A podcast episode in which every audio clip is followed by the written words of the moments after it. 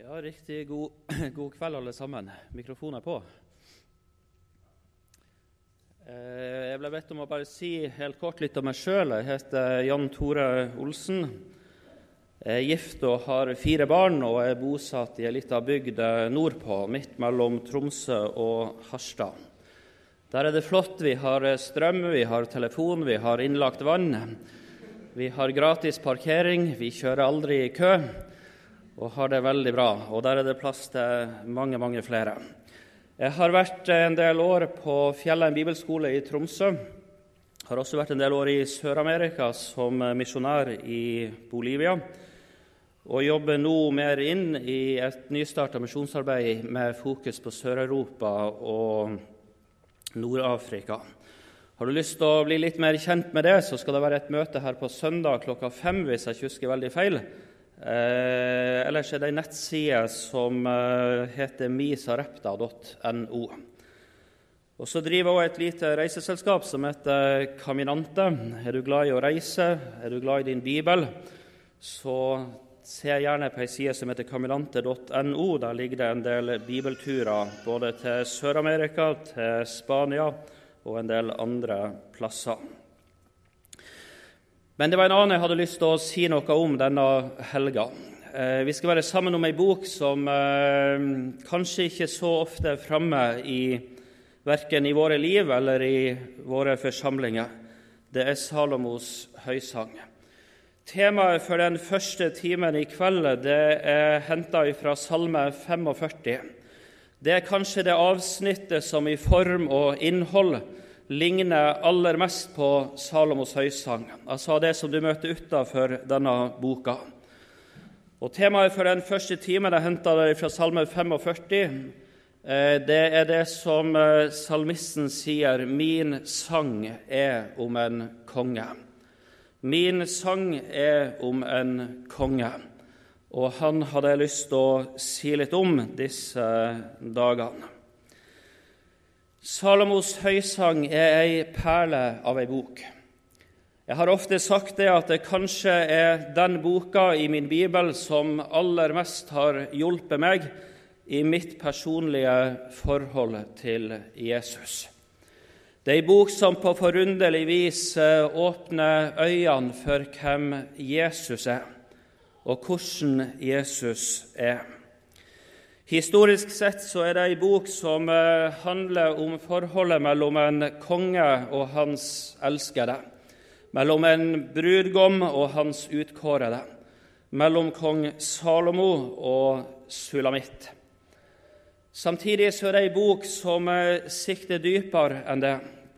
Jesus han lærte oss å lese Det gamle testamentet Eh, på en slik måte at han sier at Det gamle testamentet handler om Han. Jeg er blant dem som tror vi møter Jesus i alle Det gamle testamentet sine skrifter. Eh, jeg er overbevist om at Salomos høysang aller mest handler om forholdet mellom Jesus som brudgom, som konge, og hans menighet som eh, hans brud, altså den troende forsamling. Og Det vil si at du som tror på Jesus, du møter deg sjøl i denne boka. Eh, og du møter Jesus i denne boka. Det er ei underlig bok som, eh, som ofte lar oss møte Salomo og Sulamitt der de er alene der Salomo taler og taler og taler inn i Sulamitt sitt liv. Taler til henne og taler om henne. Sier noe om hva han ser i henne.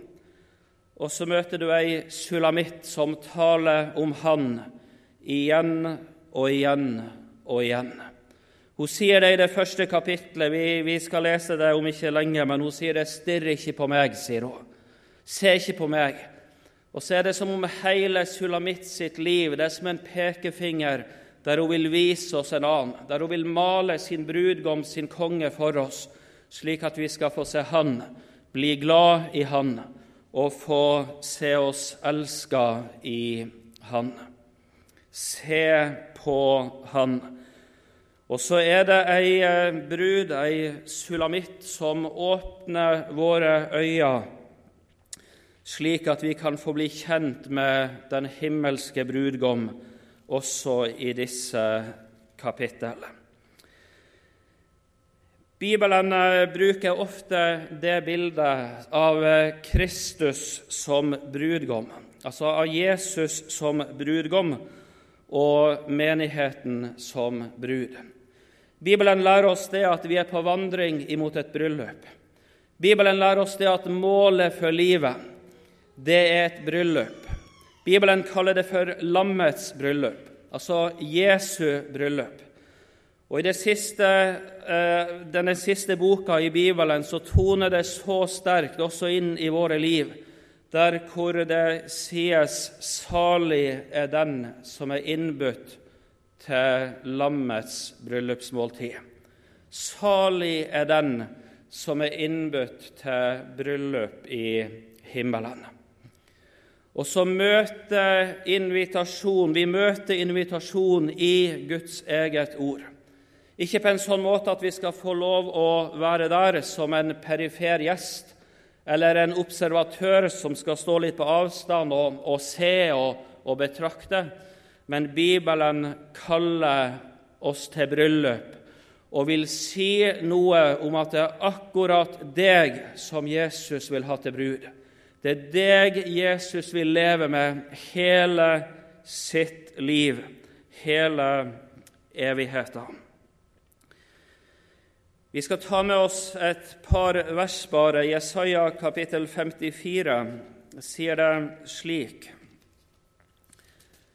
Jesaja 54 sier det på denne måten, vers 5. eh, 5. For din skaper er din ektemann, Herren herskarenes Gud er hans navn. Og Israels hellige er din gjenløser, all jordens Gud kalles han. Hørte du det? Herren Altså din skaper, han er din ektemann. Herren herskarenes Gud er hans navn. Og Blar du litt lenger eh, fram i Jesaja, i det 62. kapittelet, så står det slik i slutten av vers 5, Jesaja 62, siste del av vers 5. Og som en brudgom gleder seg over sin brud, skal din Gud glede seg over deg. Det løfter profeten Jesaja fram. Bildet av brudgom og brud når han skildrer forholdet mellom din skaper og deg som tror på Jesus. Som en brudgom gleder seg over sin brud, skal din Gud glede seg over deg. Det er en stor tanke, og det er en underlig tanke, at Jesus virkelig ville ha meg til, til brud. Det sliter jeg med å begripe i min forstand. Jeg er vant til det at når det skal velges ektefelle, eller når det skal velges livsledsager her i denne verden, så er man ute etter de og de egenskapene. Spør en ungdom hvordan vil du at din framtidige mann eller din kone skal være. Og så er det ikke vanskelig å høre hvordan det ene etter det andre løftes fram. Sånn ønska jeg at hun skulle være. Ei sånn kone vil jeg ha. Bibelen lærer oss det at Jesus, han vil ha deg. Jesus vil ha deg. Det fortelles ei historie som jeg ofte, ofte har kommet tilbake til. Ei gammel dame i Frelsesarmeen som står ute på gata og synger med en russen gitar og en eh, stemme som begynner å skrante med årene så står hun og synger sangen 'Salige visshet, Jesus er min'. Og så synger hun i den sangen 'Han er min brudgom, kaller meg sin'. Altså 'Han er min brudgom, jeg er hans brud', synges det i koret. Og Så fortelles det om en uh, mann som går forbi, en fint kledd mann i dress og slips som beveger seg forbi, som hører denne gamle dama som står og synger, som ser litt foraktelig, litt hånlig på når han hører hva hun synger. Og så bare slenger han det fra seg litt spydig når han går forbi henne. Det var da, det var da litt av ei brud han hadde funnet seg. Og Så stopper hun å spille, og så ser hun på han. Og så sier hun det frimodig. Ja, sier hun, men det var han som valgte. Det var han som valgte. Det var han som valgte. Det at du sitter her i kveld det er ikke dypest sett et resultat av at du ville ha med Jesus å gjøre. Det er dypest sett et resultat av at Jesus ville ha med deg å gjøre. Han utvalgte oss, sier Bibelen, før verdens grunnvoll ble lagt. Og Når Jesus sitter den siste kvelden sammen med sine disipler, før han skal opp til Golgata, før han skal dø, før han skal forlate dem, så sitter han i en sal i Jerusalem sammen med sine fallende, feilende eh, disipler, de som skulle fornekte han, de som skulle svikte han, de som skulle berge sitt eget skinn eh, i stedet for å oppfylle sine løfter imot han. Og så sitter Jesus alene sammen med, med dem. Og så bruker evangelisten Johannes fem hele kapittel i sitt evangelium bare på å løfte fram det som skjedde den kvelden. Og Nå skal vi ta med oss litt av eh, det som ble sagt i det som vi ofte kaller for Jesu avskjedstale. Altså Kapittel 14, 15 og 16 i Johannesevangeliet det kaller vi ofte for Jesu avskjedstale. Da taler Jesus inn i disiplene sitt liv. Og Så har jeg bare lyst til å ta fram det 15. kapittelet og det 16. verset. Eh, der sier han det sånn Dere har ikke utvalgt meg, men jeg har utvalgt dere. Det lå det på hjertet, på Jesu hjerte å få lov å si inn i disiplene sitt liv. Det er ikke dere som har utvalgt meg, men det er jeg som har valgt dere. Så sa han det så hånlig, denne mannen. Det var da litt av ei brud han hadde funnet seg. Ja, sa hun, men det var han som valgte. Det var han som valgte. Og Bibelen sier det at han angrer ikke på sitt kall eller på sine nådegaver. Han kommer ikke dit et menneske kan komme i sitt liv, at man ikke kan fatte og begripe hvorfor man ville ha med det mennesket å gjøre. Det kan sitte noen og se på et ekteskap som har gått i stykker, og, og sitte der mens tårene triller nedover kinnet og lure på hva i all verden var det jeg tenkte på. Dit kommer aldri, aldri Jesus. Han veit hva han vil, og så faller hans øye på deg. Og så bæres et kall inn i ditt liv, og så ropes et 'kom' inn til deg og meg.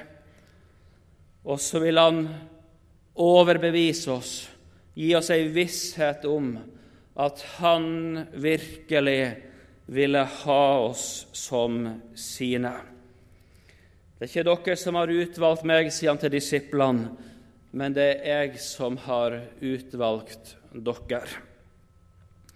I dag er det mange som lever i samboerskap. Det har blitt nesten en farsott det å innrette livet sitt i samboerskap i stedet for ekteskap. Nå kan det være mange grunner til, til det, men eh, hvis du setter ned og snakker med mennesker, ikke minst unge mennesker, som har valgt eh, samboerskap som, som sitt eh, livsordning, for å si det slik, så er det i hvert fall to ting som går igjen når du spør om hvorfor.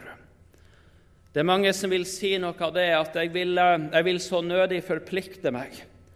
Det passer så dårlig å forplikte seg for resten av livet akkurat på det stadiet der jeg er nå. Det er det mange som vil si noe om. Det å skulle love den andre trofasthet og troskap til døden skiller en ad.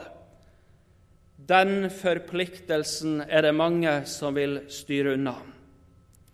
Andre de vil løfte fram at de ønsker gjerne ei tid for å se om de passer sammen med den andre. Se om den andre virkelig er noe å dele livet med, om de fungerer sammen, om de har det godt sammen. Og så blir et samboerskap på et vis ei slags prøvetid. Kanskje ikke begge opplever det sånn, men kanskje den ene i enkelte samboerskap opplever det sånn.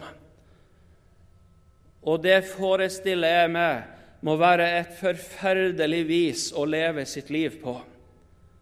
Hvis jeg liksom skal gå på prøve og se om, jeg, om, om, den andre skal se om jeg er god nok, om jeg er fin nok, om jeg er flink nok, om jeg er noe å virkelig satse livet på, eller om det heller finnes noen andre han eller hun heller ønsker å dele livet sitt med. Og så må det være et liv langt på vei i trelldom, der man går på pinne for den andre. Jeg hadde så lyst til å si deg det. Samboerskap er synd ut ifra Guds ord. Det er ikke Guds vilje at et menneske skulle leve i ei sånn utrygghet. Jesus vil at et menneske skal leve i trygghet, også på det planet. Og så er det underlig i vår bibel å møte Han, kongen, den himmelske brudgom. Han er i alle fall ikke redd for å forplikte seg. Han stiger ikke inn i våre liv og ber om ei prøvetid, og ber om et halvt år eller et år eller tre år og se om det fungerer sammen. Om du er sånn som han trodde du var. Jesus kjenner deg til bunns. Han veit hva som finnes i ditt hjerte, og han setter ord på det i, sin, i, i vår bibel. Han lærer oss det at det er ingenting i denne verden som er så fullt av svik som vårt eget hjerte. Han sier det at vår kjærlighet er som morgenduggen, altså duggen som legger seg om morgenen og hveter marka, og så bryter gjennom noen solstråler, og så er plutselig duggen fordufta. Den er borte. Sånn er menneskets kjærlighet, sier han. Likevel så er det deg han vil ha. Det er meg han vil ha. Han sier det i sangeren 'Du visste alt om meg før du meg kalla', og ga meg plass ved nådens rike bord. Likevel så kalte han. Så kalte han. Han ville ha deg. Han ba ikke om ei prøvetid. Han var ikke redd for å forplikte seg. Vi åpner profeten Hosea, og vi tar med oss et par setninger derfra i det andre kapitlet. Der skal du høre hvordan han er. Der sier han det sånn i slutten av vers 18, Hosea 2, siste setning i vers 18. Han taler om sitt folk, og så sier han, 'Jeg vil la dem bo i trygghet'. Vers 19.: Jeg vil tro love meg med deg for evig tid. Jeg vil tro love meg med deg i rettferdighet og rett, i miskunnhet og barmhjertighet, og jeg vil tro love meg med deg i troskap, og du skal kjenne Herren. Hører du ordet fra Han inn i ditt liv? Det er for evig. Han mener alvor. Han veit hva han vil. Og så ber han deg og meg til seg. Kong Salomo, historisk sett, han var den beste av alle. Han var den rikeste, han var den mektigste.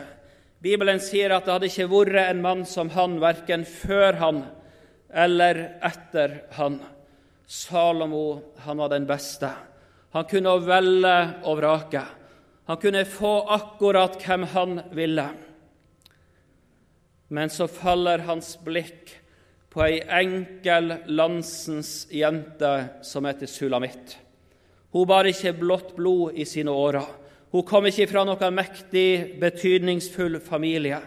Hun var ei helt enkel, vanlig jente. Men så sendes det et bud inn i hennes liv. Det er en konge som vil ha med deg å gjøre. Og så får hun stige kong Salomo nær. Det finnes noen sånne historier i vår bibel som ligner så på dette vi leser om om Salomo og Sulamitt. Husker du ei som heter Ester? Ei helt vanlig jødisk landsens jente. Og så er det kongen som, som eh, lar henne få komme nær. En dag så hvisker han hennes navn, og så får hun lov å stige inn og være alene med kongen. Hun får møte kongen i landet. Det møtet endra hele hennes liv. Det møtet endra hele hennes framtid. Hun gikk inn til kongen som ei helt vanlig landsens jente. Og når hun Ester stiger ut ifra det møtet, så er hun dronning over hele landet. Jeg hadde så lyst til å si deg kong Jesus, han vil møte deg. Møte med han, alene med han, det møtet forandrer ikke bare hele ditt liv men det forandrer hele din framtid, og det forandrer hele din evighet. Du kalles til Hans brud å være. Og så undres vi. Men Jesus, hva ser du i meg? Og så vil bare Jesus hviske det inn i ditt liv til trygghet, til mot for vår, våre arme hjerter det var jeg som valgte. Det er ikke dere som har utvalgt meg, men det er jeg som har utvalgt dere.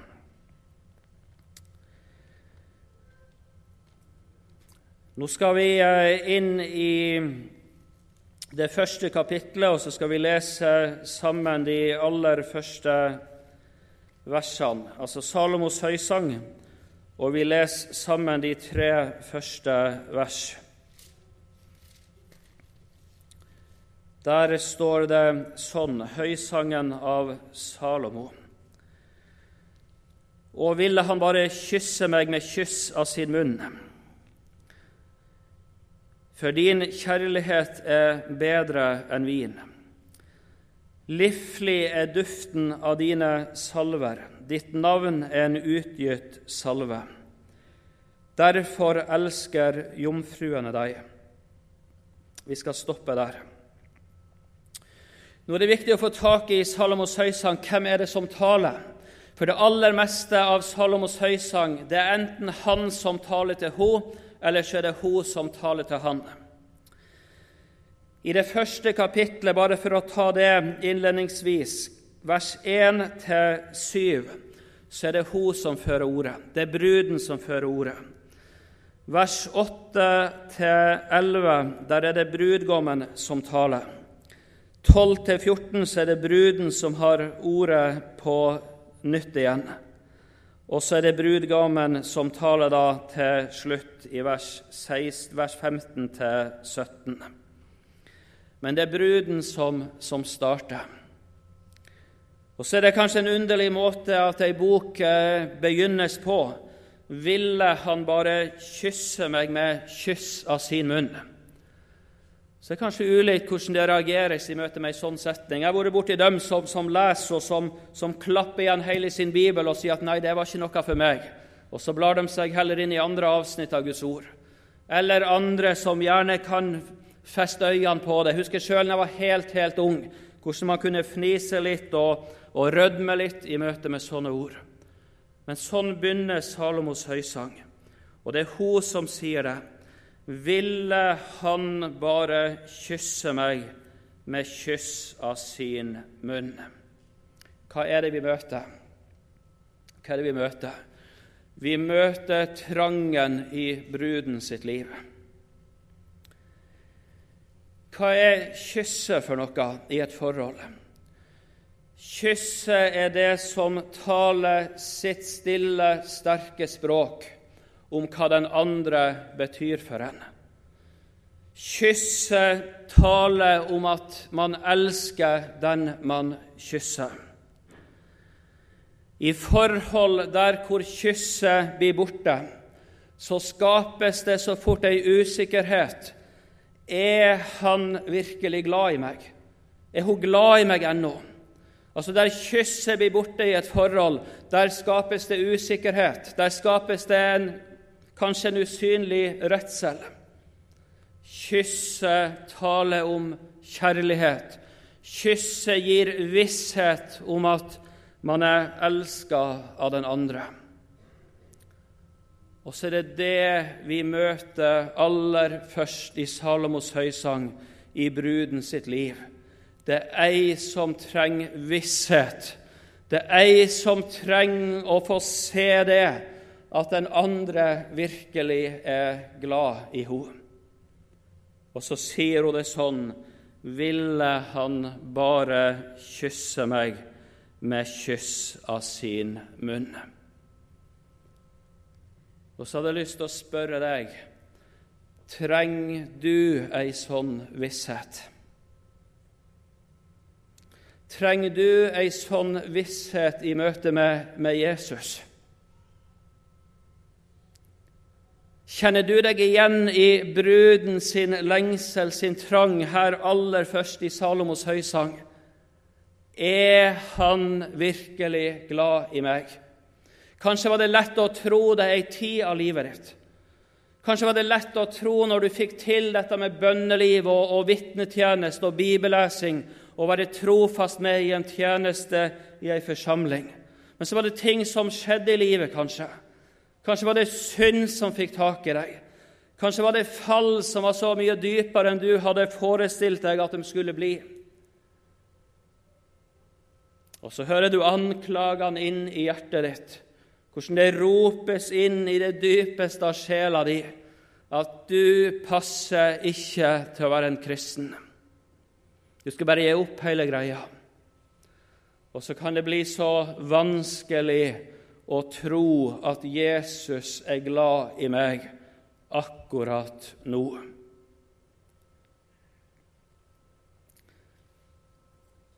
Ville han bare kysse meg med kyss av sin munn?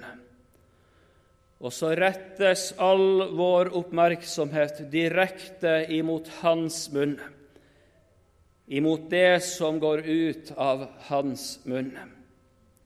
Hun vet det, at det er bare det som kan gi meg visshet. Det er det som kan overbevise meg. Det er det som kan skape trygghet i livet mitt.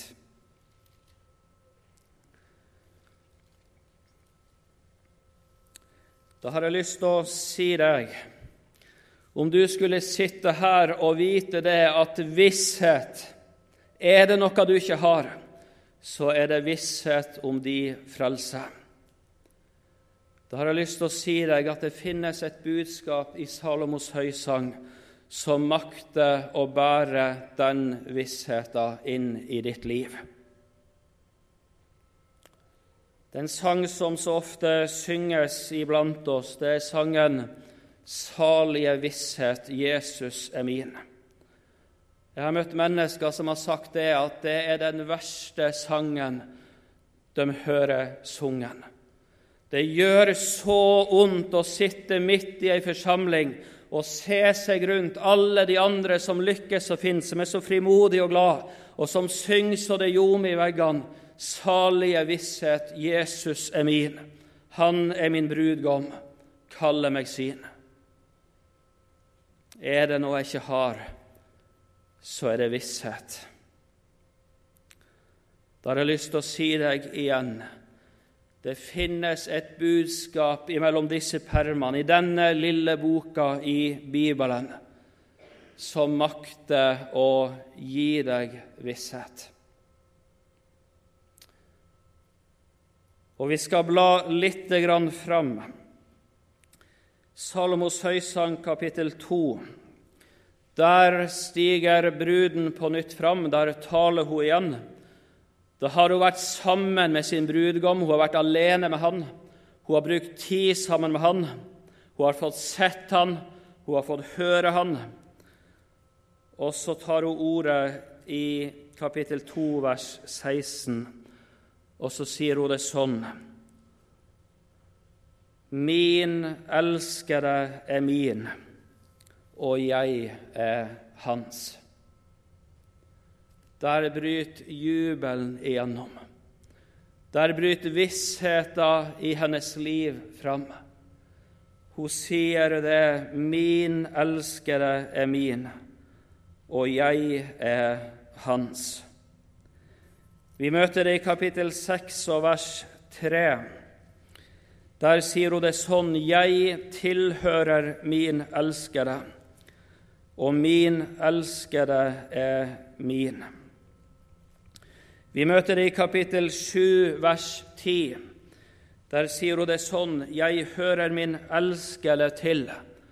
Og hør hennes vitnesbyrd. Det er en av de sterkeste setningene som jeg finner i hele min bibel. Hun sier det sånn og til meg står hans hu. Jeg hører min elskede til, og til, til meg står hans hu. Altså hans attrå. Til meg står hans hu. Da er det ei brud som har fått være sammen med sin brudgom, og som har lytta til ord som har tatt usikkerheter og uvissheten bort ifra hennes hjerte, og så møter du det glade, det frimodige vitnesbyrdet av hennes munn. Jeg tilhører min elskede. Han er min, og jeg er hans. Jeg hører min elskede til, og til han står min hu. Tror du det, du som sitter her i Betlehem i kveld? at Jesu attrå, at hans hu, den står til deg. Nei, sier jeg. Jo, sier Bibelen. Nei, sier jeg. Jo, sier Bibelen. Det går ikke an, sier jeg. Jo, sier Bibelen. Hans attrå, den står til deg. Ja, men jeg har gjort det, ja, men jeg har opplevd det og hans attrå står til deg. Det er deg han vil være sammen med. Det er deg han vil leve sammen med. Og så er det et budskap og et møte med Han som også levner en salig visshet i hennes liv, som gjør at hun hadde stemt med i sangen 'Salige visshet, Jesus er min'. Hun sier det videre, for din kjærlighet er bedre enn vin, vers 2. Vin det er ofte det som holdes fram som det aller flotteste. Det er et bilde som brukes igjen og igjen i Det gamle testamentet, noe av det fineste som kan tenkes på denne jord. Det er ei brud som sier om at det er noe som er mye større enn det som denne verden kan, kan møte oss med, gi oss, fylle oss med. Hun sier det at din kjærlighet Hun sier ikke min kjærlighet. Hun sier ikke noe om sin egen kjærlighet til han, men hun sier noe om hans kjærlighet til henne. Din kjærlighet, sier hun, er bedre enn vin. Liflig er duften av dine salver. Ditt navn er en utgitt salve. Legg merke til det. Hun taler om hans navn, og så sier hun det sånn Ditt navn. Ditt navn er en utgitt salve. Du vet hva salven brukes til. Salven det er det som legges for å dempe det aller mest smertefulle såret. Salven er det som legges på det åpne såret for at såret skal gro. Salven er det legemiddelet som brukes i møte med all smerte. Det er det som legges i det åpne såret. Og så sier hun det sånn Ditt navn er en utgitt salve. kongens navn, brudgommens navn, Salomos navn, Jesu navn, dypest sett. Jeg vet ikke om du kjenner navnet Sina Svendsen, denne gamle dama som jobba i Frelsesarmeen store deler av sitt liv. Hun brukte de aller fleste årene sine inn i møte med døve og stumme barn og unge. Eh, hun kommer inn i ei bygd. Det blir sagt til henne at der bor det ei jente som er døvstum. Hun er vokst til, hun er blitt ei ung dame. Og så sies det til henne at sykdommen har ramma i livet til denne, denne unge dama. Og så har hun blitt så inneslutta, hun har blitt så bitter. Hun har blitt umulig å få kontakt med. Ikke kunne hun snakke, ikke kunne hun høre. Og så sier de til Sina Svendsen nå må du gå på besøk til, dem, til, til, til henne. Og Så kommer hun inn i heimen der eh, den unge jenta bor. Hun snakker med foreldrene. Hun vises opp på rommet der hvor eh, den eh, døvstumme jenta er. Døra åpnes, og hun sier det at jenta hun står midt i rommet med ryggen til. Hun står der helt stiv. Hun registrerer selvfølgelig at det er noen som står bak henne, men hun står helt stille, helt stiv. Og Sina Svendsen sa at hun hadde aldri følt seg så maktesløs i hele sitt liv.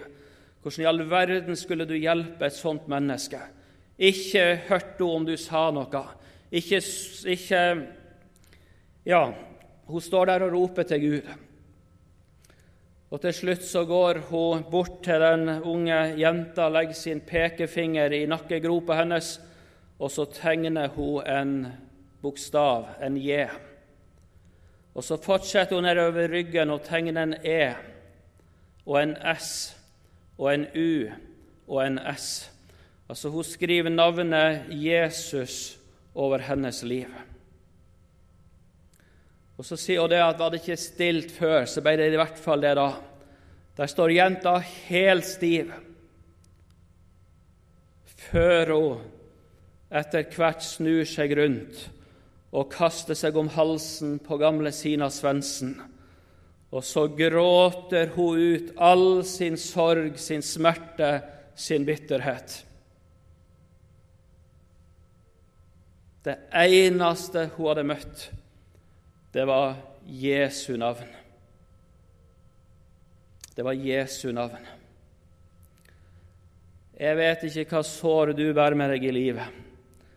Jeg vet ikke hva smerte som raser på innsida i ditt hjerte. Men jeg vet ut ifra Guds ord hva du aller dypest sett trenger. Du trenger et møte med det navn som er i utgitt salve. Du trenger et møte med Jesu navn. Og Derfor hadde jeg lyst til å forkynne det navnet enkelt og stilt inn i livet ditt. Jeg hadde lyst til å si det inn i din virkelighet i dag, en vanlig torsdagskveld. Jesus. Jesus. Jesus.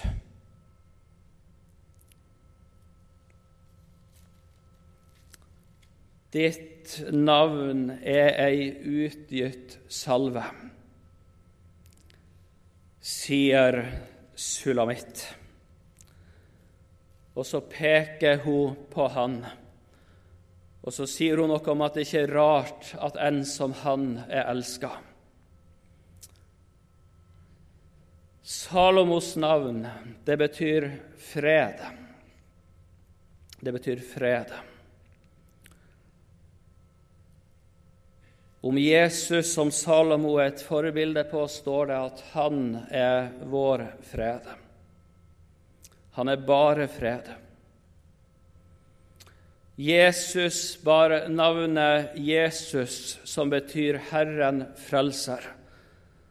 Og så skulle han bære navnet Immanuel, som betyr Husker du det? Immanuel, det betyr 'med oss er Gud'. Jeg levde året av mitt liv overbevist om at Gud var imot meg. Jeg ville så gjerne være en god kristen, men det var så mye i livet mitt som ropte imot meg. Jeg var overbevist om at Gud var imot meg. og så fikk jeg bli kjent med hans navn.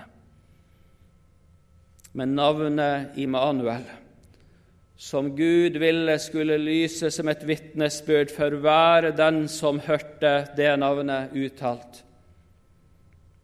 Gud, han er ikke imot deg, han er med deg.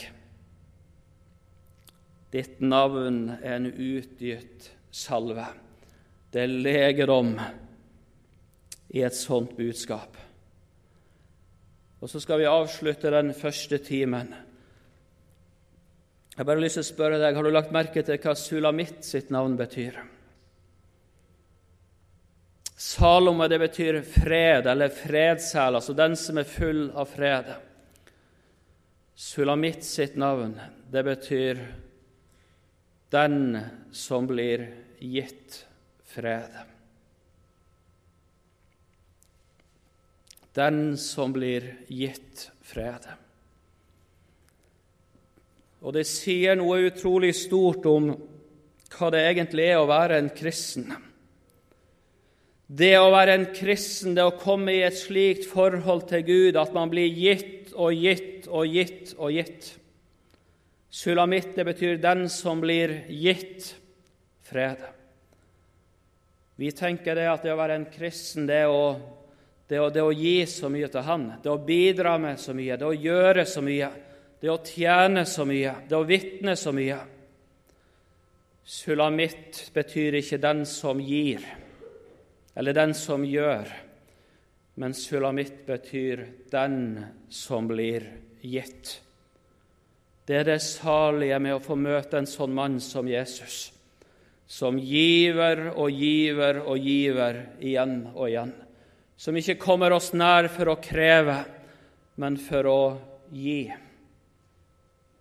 Ikke bare helse og gode dager og materielle velsignelser. Alt godt kommer ifra lysenes far ifra oven.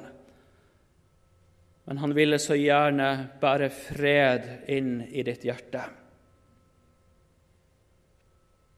Sangeren sier det å eie Guds fred er en dyrebar skatt.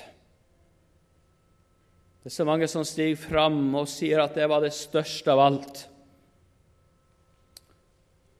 Fred med Gud. Jeg sa at navnet Sulamitt sier noe om hva det egentlig vil si å være en kristen, leve som en kristen. Samtidig så sier navnet Sulamitt oss noe om hvordan veien til fred med Gud går. Den går aldri gjennom noe vi gjør, noe vi angrer, noe vi presterer, noe vi får til. Veien til fred med Gud går gjennom noe som vi får av Han som vil gi. Og så vil jeg si det aller sist når Han gir, så gir Han bestandig uforskyldt. Han gir til den som ikke fortjener det. Han gir uforskyldt han gir også til den aller dypest falne. Jeg var på bibelcamp for ei, en liten måned siden i Spania. Snakket med ei eldre kvinne rett før hun reiser hjem, som har gått i ei kristen forsamling hele sitt liv. Så sier hun det. Nå skal jeg få lov å reise hjem og hvile i stedet for å streve. Nå skal jeg få reise hjem med fred i stedet for uro. Nå har jeg fått flytta inn i noe som var ferdig.